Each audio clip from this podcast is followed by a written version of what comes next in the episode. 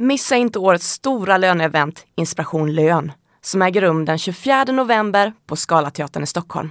Detta gör vi på Wise Professionals för att inspirera och stärka dig som person och i din löneprofession. För program och bokning, gå in på wise.se. Vi har förmånliga biljettpriser för stora grupper, så ta med hela din löneavdelning och inspireras tillsammans. I år gör vi detta i samarbete med SRF-konsulterna. Gå in på wise.se och säkra din plats nu.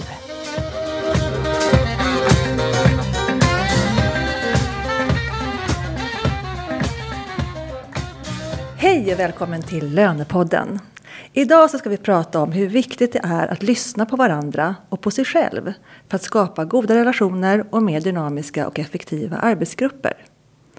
Vi har bjudit in Annika Tilléus, föreläsare, poddare och författare som kom ut med boken Konsten att lyssna för två år sedan. Välkommen Annika! Tack!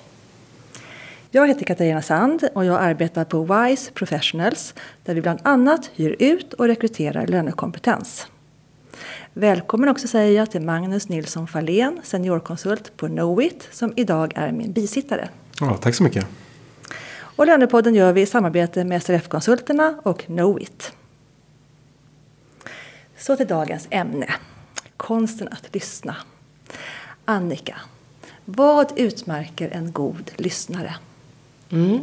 Jag har ställt den frågan många gånger när jag jobbade på H&M så höll jag kurser i ledarskap och då ställde jag den i någon form. Vad är en bra lyssnare? Och jag blev så slagen av att folk har svårt att svara på den. Utan ofta var det att först när någon vände på det, ja men jag vet vad som inte är en bra lyssnare. Det var då det lossnade och så började man prata om vad är inte en bra lyssnare. För man vill inte att någon avbryter. Man vill inte att någon har uppmärksamheten någon helt annanstans. Och eh, man vill helst inte att någon kapar samtalet. Så om man vänder på det så skulle jag säga att en bra lyssnare är någon som är väldigt närvarande. Som har fokus på den som pratar. Som inte dömer. Och som eh, har fullt fokus här och nu. Som är väldigt närvarande och öppen. Men, kan, man, alltså, kan man lära sig det här? Är det någonting man kan öva upp? Hur lätt är det att bli en bra lyssnare? Eller hur svårt är det? I ett samhälle idag så har vi så mycket distraktioner och jag tror att de är det största hotet mot lyssnandet, liksom farten. Det tar lite tid att lyssna. Men vi har det i oss allihop. Vi kan utveckla det och det behövs bara små knep som gör oss allihop så mycket bättre. Så att det är ingen svår resa. Och eh, är vi flera stycken som kan göra det tillsammans, exempelvis en avdelning som påbörjar sin lyssnarresa samtidigt, så kan man hjälpa varandra på vägen. Lyssnarresa, det lät fint.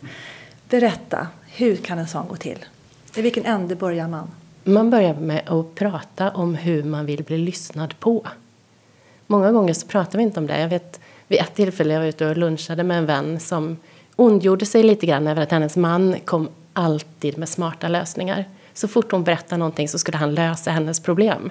Och hon var väldigt, väldigt trött på det. Och då frågade jag henne, men har du bett honom att bara lyssna?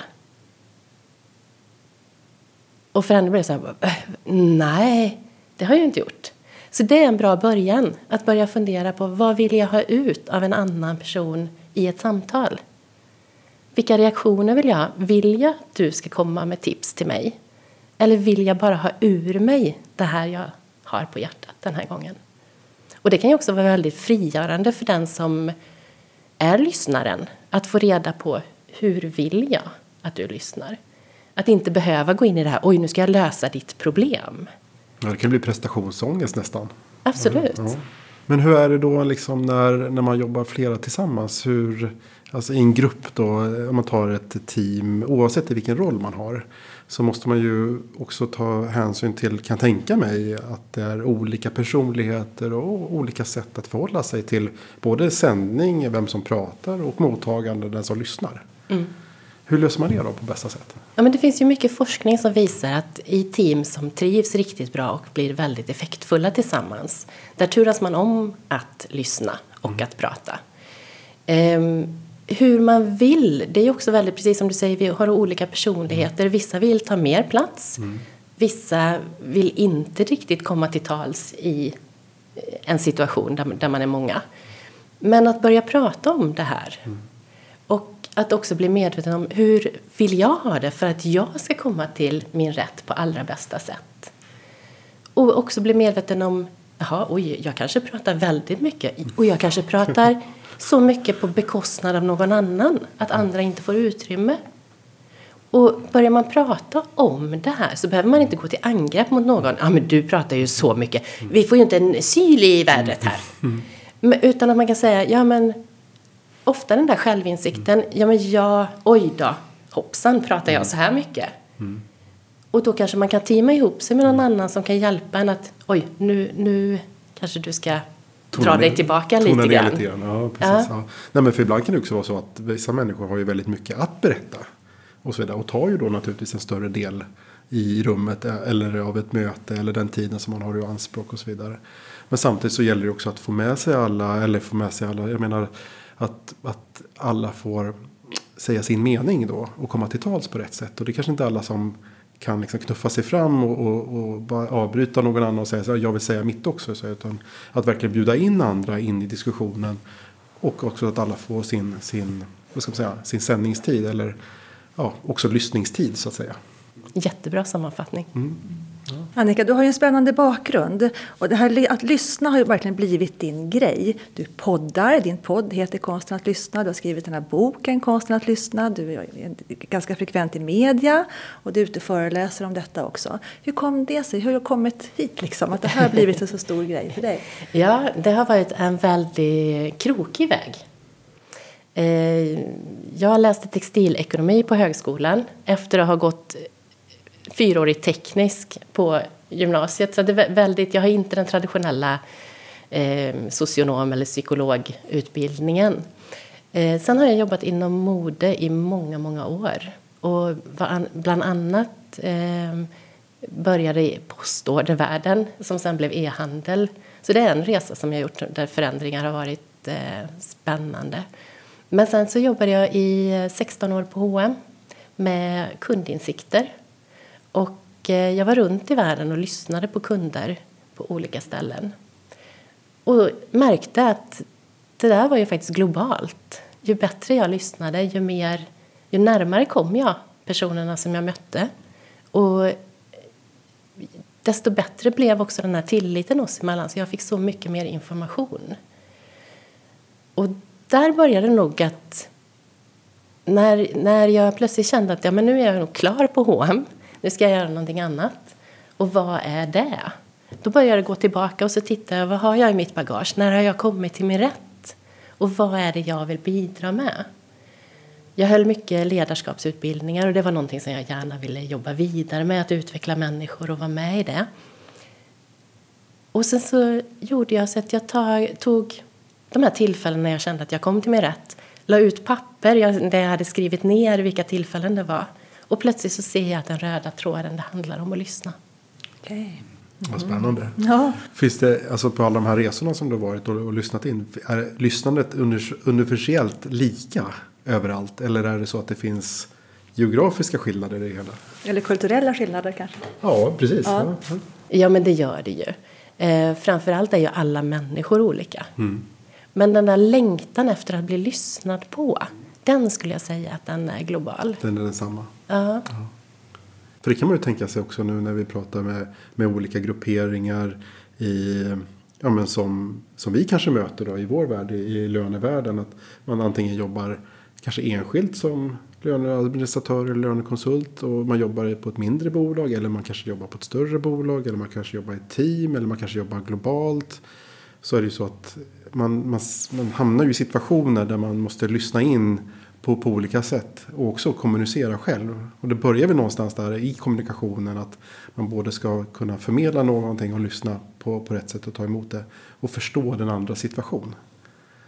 Så det måste ju ändå vara liksom universellt på något sätt, känner jag i alla fall. Ja, och när man kommer som svensk ut i världen, när man hamnar i en hemma hos-intervju i Beijing. Mm. Då blir jag ju otroligt medveten om vilka svenska glasögon jag har på mig och hur jag tolkar saker och ting som folk säger. Och, och det gör vi ju hela tiden. Det ligger ju i vägen för oss även när vi inte har en kulturell skillnad där. För att jag tolkar, jag tror att jag vet vad du menar. Ja, precis. Men jag förstår egentligen inte. Nej. Nej. Och jag kanske inte ställer den frågan för att säkerställa att jag har förstått vad du menade. Nej. Utan jag utgår från mina egna förutfattade meningar. Och helt plötsligt så kanske jag dömer någon lite grann. Eller dömer en situation på ett visst sätt. Och så blir det ett missförstånd till slut. Och så förstår man inte varandra. Och så slutar man att lyssna. Ja. Okej. Och man kanske aldrig ens har börjat lyssna. Nej, för man hade en förutfattad mening från början att så här kommer det sluta. Liksom. Mm. Ja. ja, spännande. Eh, Om man nu jobbar på en löneavdelning och har en arbetsgrupp som fungerar mindre bra. Du har pratat lite om hur man, ska, hur man kan göra då, men lite mer konkreta verktyg sådär. Om, man, om det är no, någon medarbetare, kollega som pratar väldigt mycket, någon som inte pratar alls. Eh, någon som kanske lyssnar dåligt, lyssnar inte alls. Vad, hur, vad kan man göra då som, det är väl ledaren som måste ta ansvar kan man tänka ändå och steppa upp och ta lite kommandot och försöka leda rätt i detta. Men hur gör man? Har du några konkreta verktyg? Tips? Ja, eh, jag har varit med i grupper som har... Dels har de läst min bok tillsammans och sen haft den som en arbets... Eh, mer som en läsecirkel där de har pratat om ja, men hur vill vi. En grupp som jag jobbade med som de hade ett gemensamt sportintresse. De kom fram till att ja, men vi ska ha gult kort och rött kort.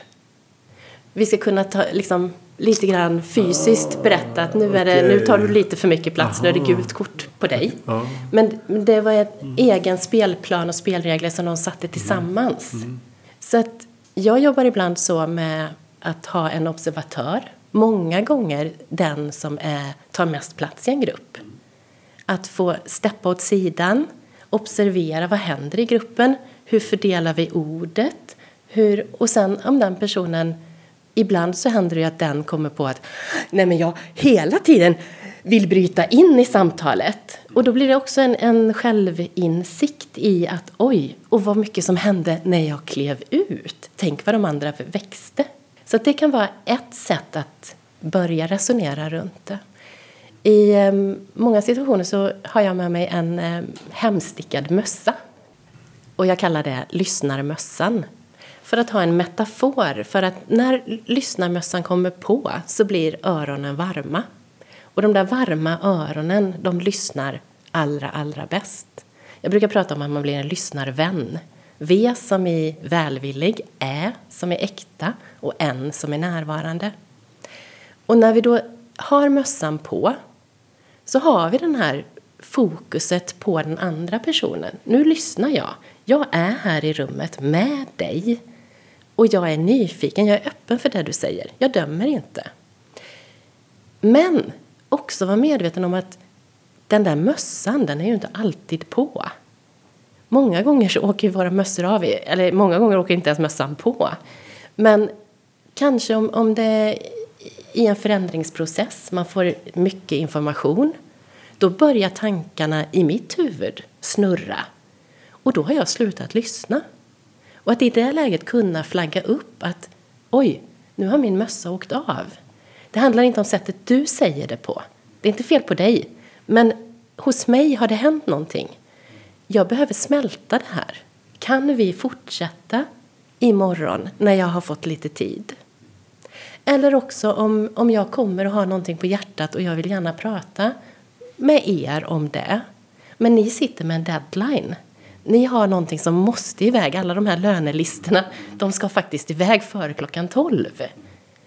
Då, då går det inte att ha dubbelt fokus. Eller det är väldigt, väldigt sällan eh, lyckat att ha fokus på två ställen.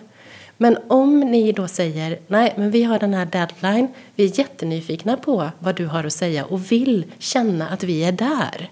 Kan vi ses klockan tre? För då är våra mössor på.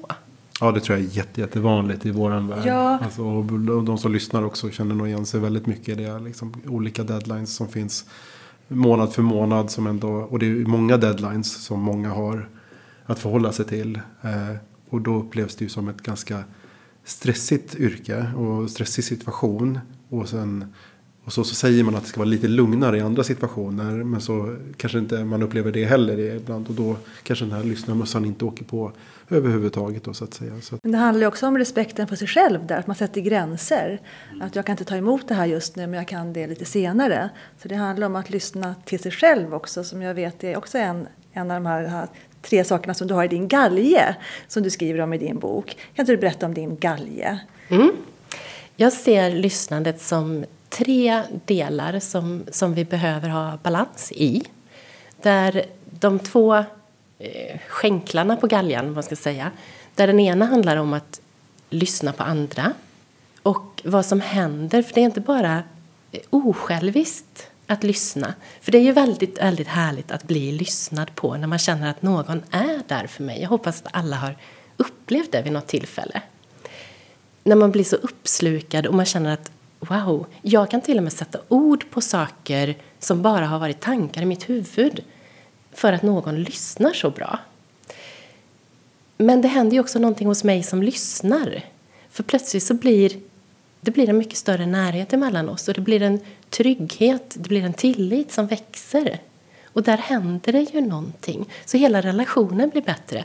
Plus att jag får chans att få tillgång till fler perspektiv. Jag kan se världen som du ser världen när jag lyssnar riktigt bra. Så den ena sidan på galjan handlar om att jag lyssnar. Den andra sidan handlar om att jag också blir lyssnad på. Och att vi har en balans, en galge som svajar mellan de här. Att jag kommer till tals, men jag får också in intryck från andra. Och sen har den här galgen Galgar ser ju lite olika ut, men min galge har ett stag. En sån där man kan eh, pinne där man kan hänga byxorna. Ja, ja. Mm. Och den ger en styrka åt galgar. Och den handlar om att lyssna på sig själv. För det är där vi hämtar en sån stor kraft. Det är svårt att lyssna på andra om jag inte lyssnar på mig själv, är medveten om vad som händer i mig, tankar och känslor och vad jag vill. Och jag vet inte, men jag har ju många gånger hängt upp min tunga vinterjacka på en galge som inte har det här staget utan den är lite, den har bara två skänklar. Och så säger det knak och så står jag med min, jag står med kroken i handen och galgen och jackan ligger på golvet. Och så där är det med att lyssna på sig själv. Det ger en sån styrka både i organisationer och som individer som gör att vi klarar de där när livet blir lite tufft. När, när den tunga vinterjackan kommer och tynger ner. Då finns det en helt annan styrka i när vi kan lyssna på oss själva. det här måste ju betyda att väldigt många också måste få kanske större självinsikt också. Hur man agerar i olika situationer och hur man beter sig när man både lyssnar och pratar. Eh, på så sätt för att kunna liksom också hantera det här liksom på ett bättre sätt. För annars så kommer man ju ingenstans ifall man inte riktigt vet också hur sitt eget beteende liksom påverkar andra. Och hur man låter när man liksom pratar. För då har man ju inte lyssnat på sig själv. Nej. Nej. Man kan till och med spela in ett möte. Och så kan man studera det efteråt. oh, ja, det skulle man kunna göra. Precis. Ja. Ja i ett studiesyfte. Hur fungerar ja, vi i gruppen? Ja, precis. Och så får man ett rött kort efteråt kanske. Nej, bara kan, man kanske ger det till sig själv ja, när man har sett. Ja, ja. Mm. Och det kanske är självinsikt i sig. Absolut. Då, att komma så långt. Ja. Men jag tänker att det här låter ju relativt enkelt ändå. Alltså det här. Men när man, alltså det är så mycket annat, det är så komplext allting. Jag tänker, det handlar om dålig självkänsla som någon har. Någon kanske känner sig liksom kränkt av någon anledning. Och det är fördomar. Det finns så mycket annat emellan människor som kanske hindrar det här lyssnandet. Det har du helt rätt i. Så hur kommer man förbi det där då? Det är, eller hur? Det är inte så enkelt som det kanske låter. Nej, det är ju en utmaning men eh, det kanske också är enklare än vad det låter. Om vi börjar prata om det här, ett tips som jag ger ibland när man känner att ah, jag orkar inte lyssna mer. Nej, men ta hjälp av din kropp.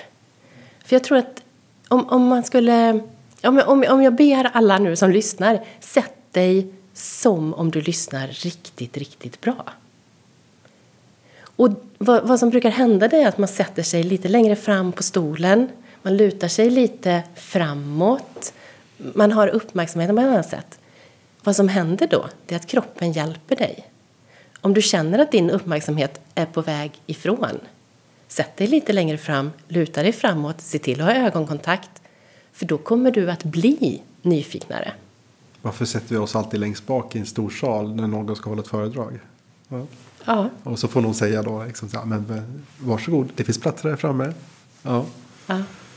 Men sen också det där att man, alltså att man pratar långsamt och tydligt. Och då blir man ju också lyssnad på än om man pratar jättefort och fladdrar iväg. Att Ja, man kan ju, det finns ju olika sätt att prata så att man blir lyssnad till också. det är det. Ibland ska man väl prata kanske lite tystare.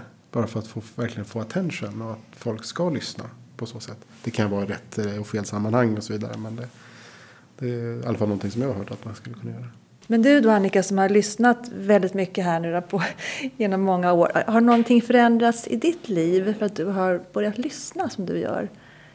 Eller hade någonting varit annorlunda om du inte hade lyssnat? Om du, om du hade, inte hade lyssnat? Vilken bra fråga.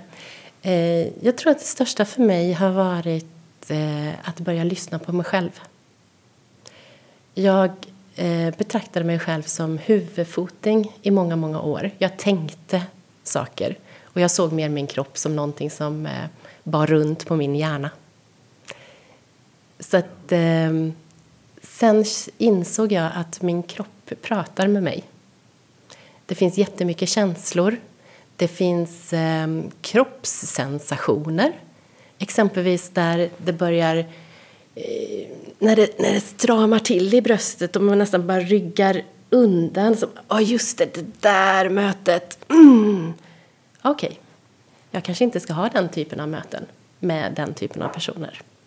Det finns ju uppenbart ett, eh, någonting det gör med mig.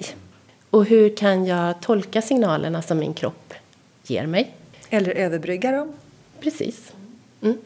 Så eh, det har nog varit min största, längsta resa. Att bli mer medveten om vad vill jag? I vilka situationer kommer jag till min rätt? Och eh, vem fungerar jag bra tillsammans med? Samtidigt som lyssnandet också har lärt mig att närma mig de flesta människor med nyfikenhet. För ibland så kan jag känna, oj nej, men det här kanske inte var en person jag tyckte om. Men att fortsätta att lyssna, att sätta mig lite längre fram på stolen och ställa några frågor. För alla har ju någon spännande historia att berätta. Och det gäller ju att ge människor chans att hitta och berätta sin historia.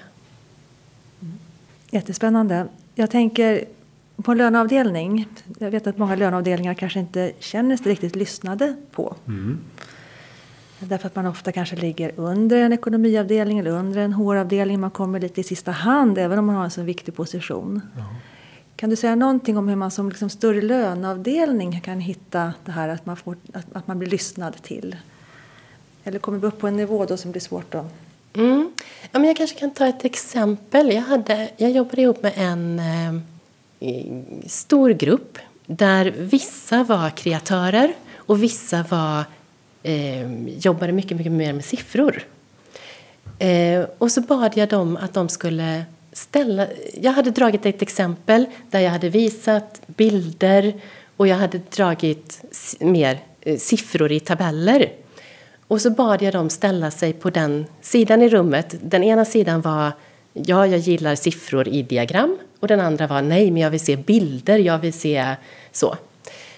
Och när de hade delat upp sig på det här sättet så delade jag in dem i mindre grupper där de som gillade siffror skulle presentera de hade ett speciellt uppdrag, så de skulle presentera för den andra gruppen och den gruppen som gillade bilder skulle presentera för den mer sifferinriktade gruppen. Det här blev väldigt, väldigt spännande för att de skulle ju då tänka på att jag ska nå fram till en grupp som tilltalas av någonting som inte är min hemmaplan.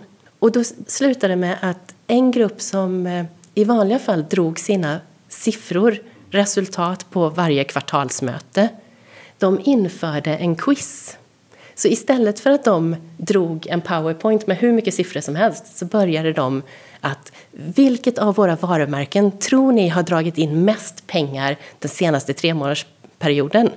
Ah, ja. Och det blev ju ett helt annat kvartalsmöte. Nu många år senare så kör de fortfarande quiz på sina kvartalsmöten och har ett helt annat engagemang. Det, är inte, det är inte samma sak att de sitter längst bak och bara oj hjälp nu kommer siffrorna. Och, utan Ja, ja, jag ska se om jag får hur många rätt jag får på mitt quiz den här gången. Ja. Hitta ett lekfullare sätt för att nå fram. Ja. Ja, och tänka på hur är den jag pratar med? Hur lyssnar den? Ja. Ja, hur kan den ta till sig information på rätt sätt? Eller på det sättet som den vill ta till sig. Ja, jag hade och också prata om varför det är viktigt. Jag hade vid ett tillfälle en, en man som jag coachade och han jobbade han, han var lite så här, jag ska komma ut till en inköpsavdelning och jag ska prata om regelverk. Och de är inte så sugna på att lyssna på det här regelverket som jag kommer med. Ehm, och så pratar vi en stund och sen så, efter, så kommer han fram till men tänk om jag skulle berätta för en, vid ett tillfälle så var det ett barn som satte en kork i halsen. Tänk om jag börjar att berätta den historien. För det är ju det här som är det viktiga med mitt regelverk. Att ingen ska kunna sätta en kork i halsen. Så man vänder på resonemanget egentligen. I, Det handlar om retorik Ja, eller hur, hur. Mm. man, hur man egentligen utför sin uppgift fast man, eh, ja, man börjar i, i, med resultatet egentligen först. Ja. Då. Men för att locka Så till förstår- lyssning helt Ja. enkelt. Ja, Så gör man... spännande. Ja. Ja, visst så. Ja, Men jag tror ju som, också som en del svar, eller delmängd eh, som svar på din fråga där Katarina. Det är ju som att ja, men löneavdelning har ju ganska många olika intressenter. Som man också måste förhålla sig till. Dels är det ju verksamheten med chef och medarbetare som är eh, det viktiga. Att liksom, de får den servicen och de får naturligtvis den, liksom, dra mm, det positiva med resultatet av att ja, men man får en lön och, och man betalar ut eh, korrekt och så vidare. Men sen har vi många andra stöd och supportfunktioner också som ska göra sina delar och som man ska samverka med på, på rätt sätt. Och då gäller det ibland att, att verkligen, eller ganska ofta då, lyssna in vad de har för, för önskemål. Samtidigt vad kanske de har för begränsningar. Det påverkar oss i vår del. Det här kanske har försökt att samarbeta men man har inte lyssnat, riktigt lyssnat på varandra. Och, och kanske då inte heller löst de underliggande problem som finns. Och så blir det så här, ja men det där har vi provat förut, det är ingen idé, vi kan inte prata med dem, de lyssnar inte. Nu gör vi som vi alltid gjort och så är det ändå inte riktigt bra. Och, så. och det är då man inte har kommit till den liksom självinsikten, både hos oss som löneavdelning eller hos de, de andra supportfunktionerna på ekonomi eller IT eller vad det nu måste vara för någon supportfunktion som hjälper till. Eller verksamheten själv. Ja, men cheferna vill göra så här istället. Ja, men just nu så kanske inte det går, men vi ska försöka lösa det. Och så har man i alla fall liksom försökt att stryka liksom, vissa delar av missförståndet och så kanske det blir lite mer förstånd istället. Inte. Det, det är kanske där som löneavdelningarna också kan börja med att ge lite av den, den, eh, den insikten till, till andra då så att säga. Och sen fastnade jag för det här du sa att man, bara man börjar prata om de här sakerna. Man pr- pratar om hur viktigt det är att börja lyssna. Det, kan, det, det har man kommit ett väldigt liksom, bra steg på vägen. Vet, du har en tio topplista på vad som är viktigt för att vara en bra lyssnare. Ska vi dra dem som en avrundning? Ja, det är väl jättekul. Ehm, jag skulle säga att börja med att vara en lyssnarvän. Välvillig, äkta och närvarande. Att se människan framför dig. Att inte fastna i vilka fördomar har jag eller vad har jag klätt på den här människan. Eller att man ser någon som är väldigt ung, någon som är gammal, någon som kommer från ett annat land. Istället för att se människan. Eller en funktionsnedsättning som, som ställer sig i vägen framför en människa. Så var nyfiken på den du har framför dig. Avsätt tid för att lyssna. Det tar tid att lyssna. Men många gånger har vi verkligen tid att inte lyssna. För vi hamnar ju snett när vi inte lyssnar. Sen kanske det går fortare, men det går fortare åt fel håll. Så att se till det. Våga vara tyst. Den är lite skrämmande ibland, att det blir tyst. Men det händer någonting i tystnaden. Och det kan också vara väldigt fint att vara i en tystnad. Så det vill jag eh, uppmana att testa att ställa en fråga och sen vara tyst. Den andra personen svarar, var tyst lite till. För ofta så kommer det någonting mer. Och det som kommer då, det kanske är det allra mest spännande döm inte. Jag har en eh, vän som, eh, hennes son eh, kör störtlopp. Och hon är ju väldigt, eh, ja men en orolig mamma, det är man ju när ens son kastar sig ut för det här. Ja. Eh, men många gånger så dömer vi genom att stoppa in våra värderingar redan i en fråga. Så för henne är det ju jättestor skillnad om hon säger till honom ja, men är du inte rädd nu? När han står på startlinjen. Eller om, för då är det ju hennes rädsla som hon har stoppat in i frågan. Står han på startlinjen och hon bara hur känns det? Han bara jag har koll. Det är ju en helt annan sak. Annars riskerar vi ju att smitta någon. Eller att ja, ja men så där kan man väl inte göra.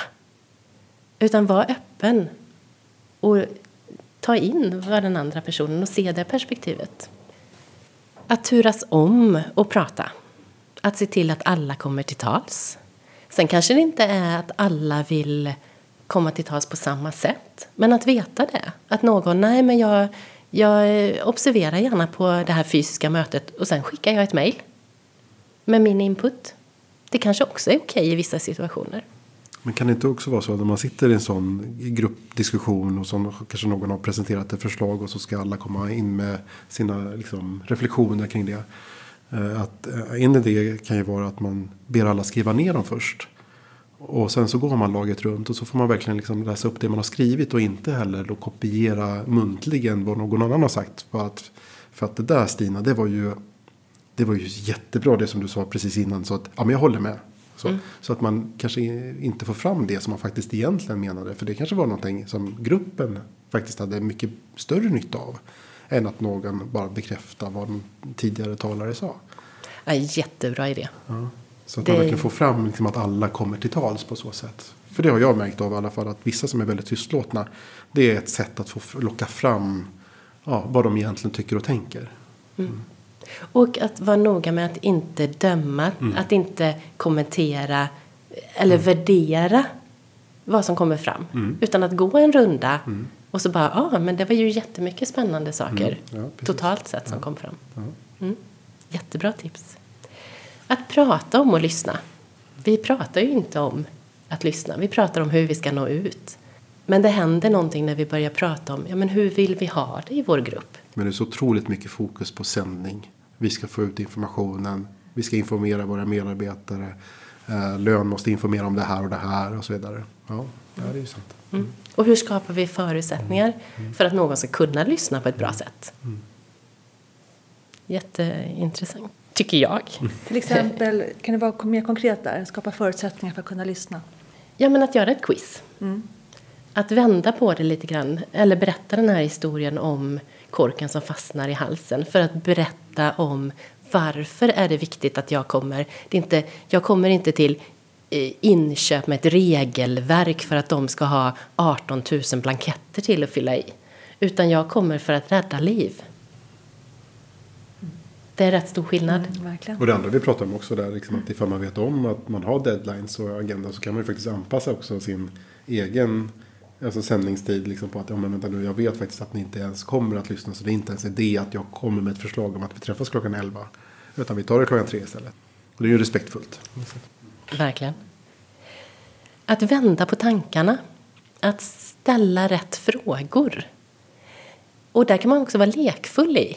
Ja, men om jag har kört fast, jag vet inte hur jag skulle göra. Nej, men hur, hur hade Pippi Långstrump gjort? Eller hur hade någon annan avdelning löst det här? Mm. Eller vad hade Google gjort? Mm. Så att försöka, för vi har en rätt stor lekfullhet och ja. vi har tillgång till lite större resurser. Ja, men Magnus hade ju löst det här problemet direkt. Ja, men mm. vad är det första han hade gjort? Ja, och plötsligt så vet jag mm. hur jag ska göra. Mm. Eller att liksom väldigt många tar ju väldigt mycket på så stort allvar. Och så i, i om man tänker sig administration, så här, ja, men vi, vi, det är ju inte liksom en det är ju inte en läkartjänst vi håller på med. Det är ju inte på liv och död. Utan det är ju verkligen, ja, det är siffror eller pengar eller ja, vad det nu måste vara. Så det är ju inte liksom hela, hela världen. Men att vi tar, det liksom, vi tar det kanske lite för mycket på allvar ibland också. Mm. Mm. Vi kanske tar oss själva lite på för stort så allvar ibland. Ja, så kan det vara. Mm. Mm. I och med att jag, mitt ego är väldigt viktigt. Ja. ja. Mm. Att ta bort det som stör. Att stänga av mobilen, att lägga den åt sidan. Att eh, om man har det där nära samtalet när det, ja men säg att någon har råkat ut för livet. Det har hänt någonting, man har förlorat en närstående eller det har varit någonting. Se till att vara på en plats där det inte går förbi en massa människor som pockar på uppmärksamhet. Utan var avskilt.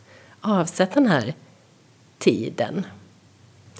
Och sen som sista tips så vill jag skicka med också att det kan ju faktiskt vara så att jag har fel. Att ha med sig den tanken in i en diskussion är ju väldigt spännande. Man behöver inte... Eh, om man vill mjukstarta så kan man ju i alla fall börja med ja men tänk om den andra också har rätt. Mm. Om man hamnar i en diskussion. För eh, det är ju väldigt mycket härligare att prata med någon som har inställningen ja, jag tror så här, men jag kan ha fel. Än någon, så här är det. Mm, verkligen. Mm. Vad bra. Dina föreläsningar och workshops, är det ungefär det här du pratar om då? Ja, jag har eh, olika inriktningar på. En del handlar mer om att lyssna på sig själv. Hur gör man? Och vad händer? Vad är det jag vill? Eh, det kan också vara hur ska vi fungera bättre i en grupp? Hur ska vi lyssna på varandra? Det kan handla om hur hittar vi vår kreativitet? Att lyssna på den och vara tillåtande. Men eh, lyssnandet är grunden mm. hela tiden. Mm. Okej, tack så mycket Annika. Ja, fick vi någonting att tänka på. Ja, verkligen. Mm. Vad tar du med dig då Katarina? Nej, men jag tycker att det, bara, bara prata om det tror jag är, det, det, tycker jag känns som det viktigaste. Att våga liksom säga var man står och eh, sätta gränser och eh, berätta vad jag, vad jag behöver för någonting. Hur jag vill bli lyssnad på. Ja, ja. och hur, jag, hur, jag, hur det ska fungera i en grupp. Ja. Och hur vi ska komma vidare för att få ett bättre samarbete i gruppen. Ja, just det. Mm. det här med mössan tycker jag var en väldigt bra idé. Jag tar med mig. Och du då Magnus? Ja, men jag tar med mig det här med att verkligen um, bli en lyssnarvän. Att vara närvarande och ärlig och uh, den typen av uh, Det var en sak till. Närvarande, ärlig. Och, Välvillig. Välvillig, ja precis. Ja. Och, och, det som slog mig när vi pratades vid innan den här podden och vi satt själva i Teamsmöte och, och, och så märker man att det händer saker runt omkring det, det plingar till i telefonen, man får Teams-meddelanden och så vidare. Och helt plötsligt så när vi sitter och diskuterar så man tappar själv liksom lite fokus när man har den här man kan kalla det för digital stress. Att det, eller digital påverkan på något sätt. Att det händer saker och ting runt omkring en. Och helt plötsligt så är man utanför diskussionen. Och så, så whoops, tillbaks. Och sen oj, nu har jag missat. Och det är ju faktiskt respektlöst. Och just det här liksom att stänga av medan man har ett möte. Och sen vara närvarande och sen så tar man det. det. Man tror att man är effektiv när man gör saker och ting hela tiden. Men om man delar upp det och verkligen fokuserar på rätt sak så är man kanske ännu mer effektiv. Mm. Eller det är kanske då man är effektiv. Precis. Så. Det så blev det väl en ja. väldigt bra avslutning ja. på det här avsnittet. Mm. Mm. Annika, är det någonting mer som du vill skicka med till lyssnaren? Nej, men att vara snäll mot sig själv när man övar. Att börja praktisera, men att vara snäll. För det, det kommer inte naturligt på en gång. Men eh, det, det, att vara inte sådär, ja, jag prövade en gång, det gick inte bra. Mm. Nu lyssnar jag inte mer. och det går ju faktiskt att tänka på det här. I varenda möte man har med varenda människa, både hemma, på jobbet och i affären, så kan vi tänka på det här att försöka lyssna. Det ja, och jag tror att det ger, som helst. Mm. det ger effekt på en gång. Mm. Man bara blir lite, lite bättre. Mm.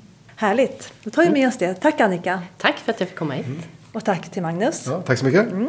Och tack till dig som lyssnar. Och vi är tillbaka den 25 september på temat ekonomisk brottslighet. Vi hörs då. Hej då! Hej då! Hej då!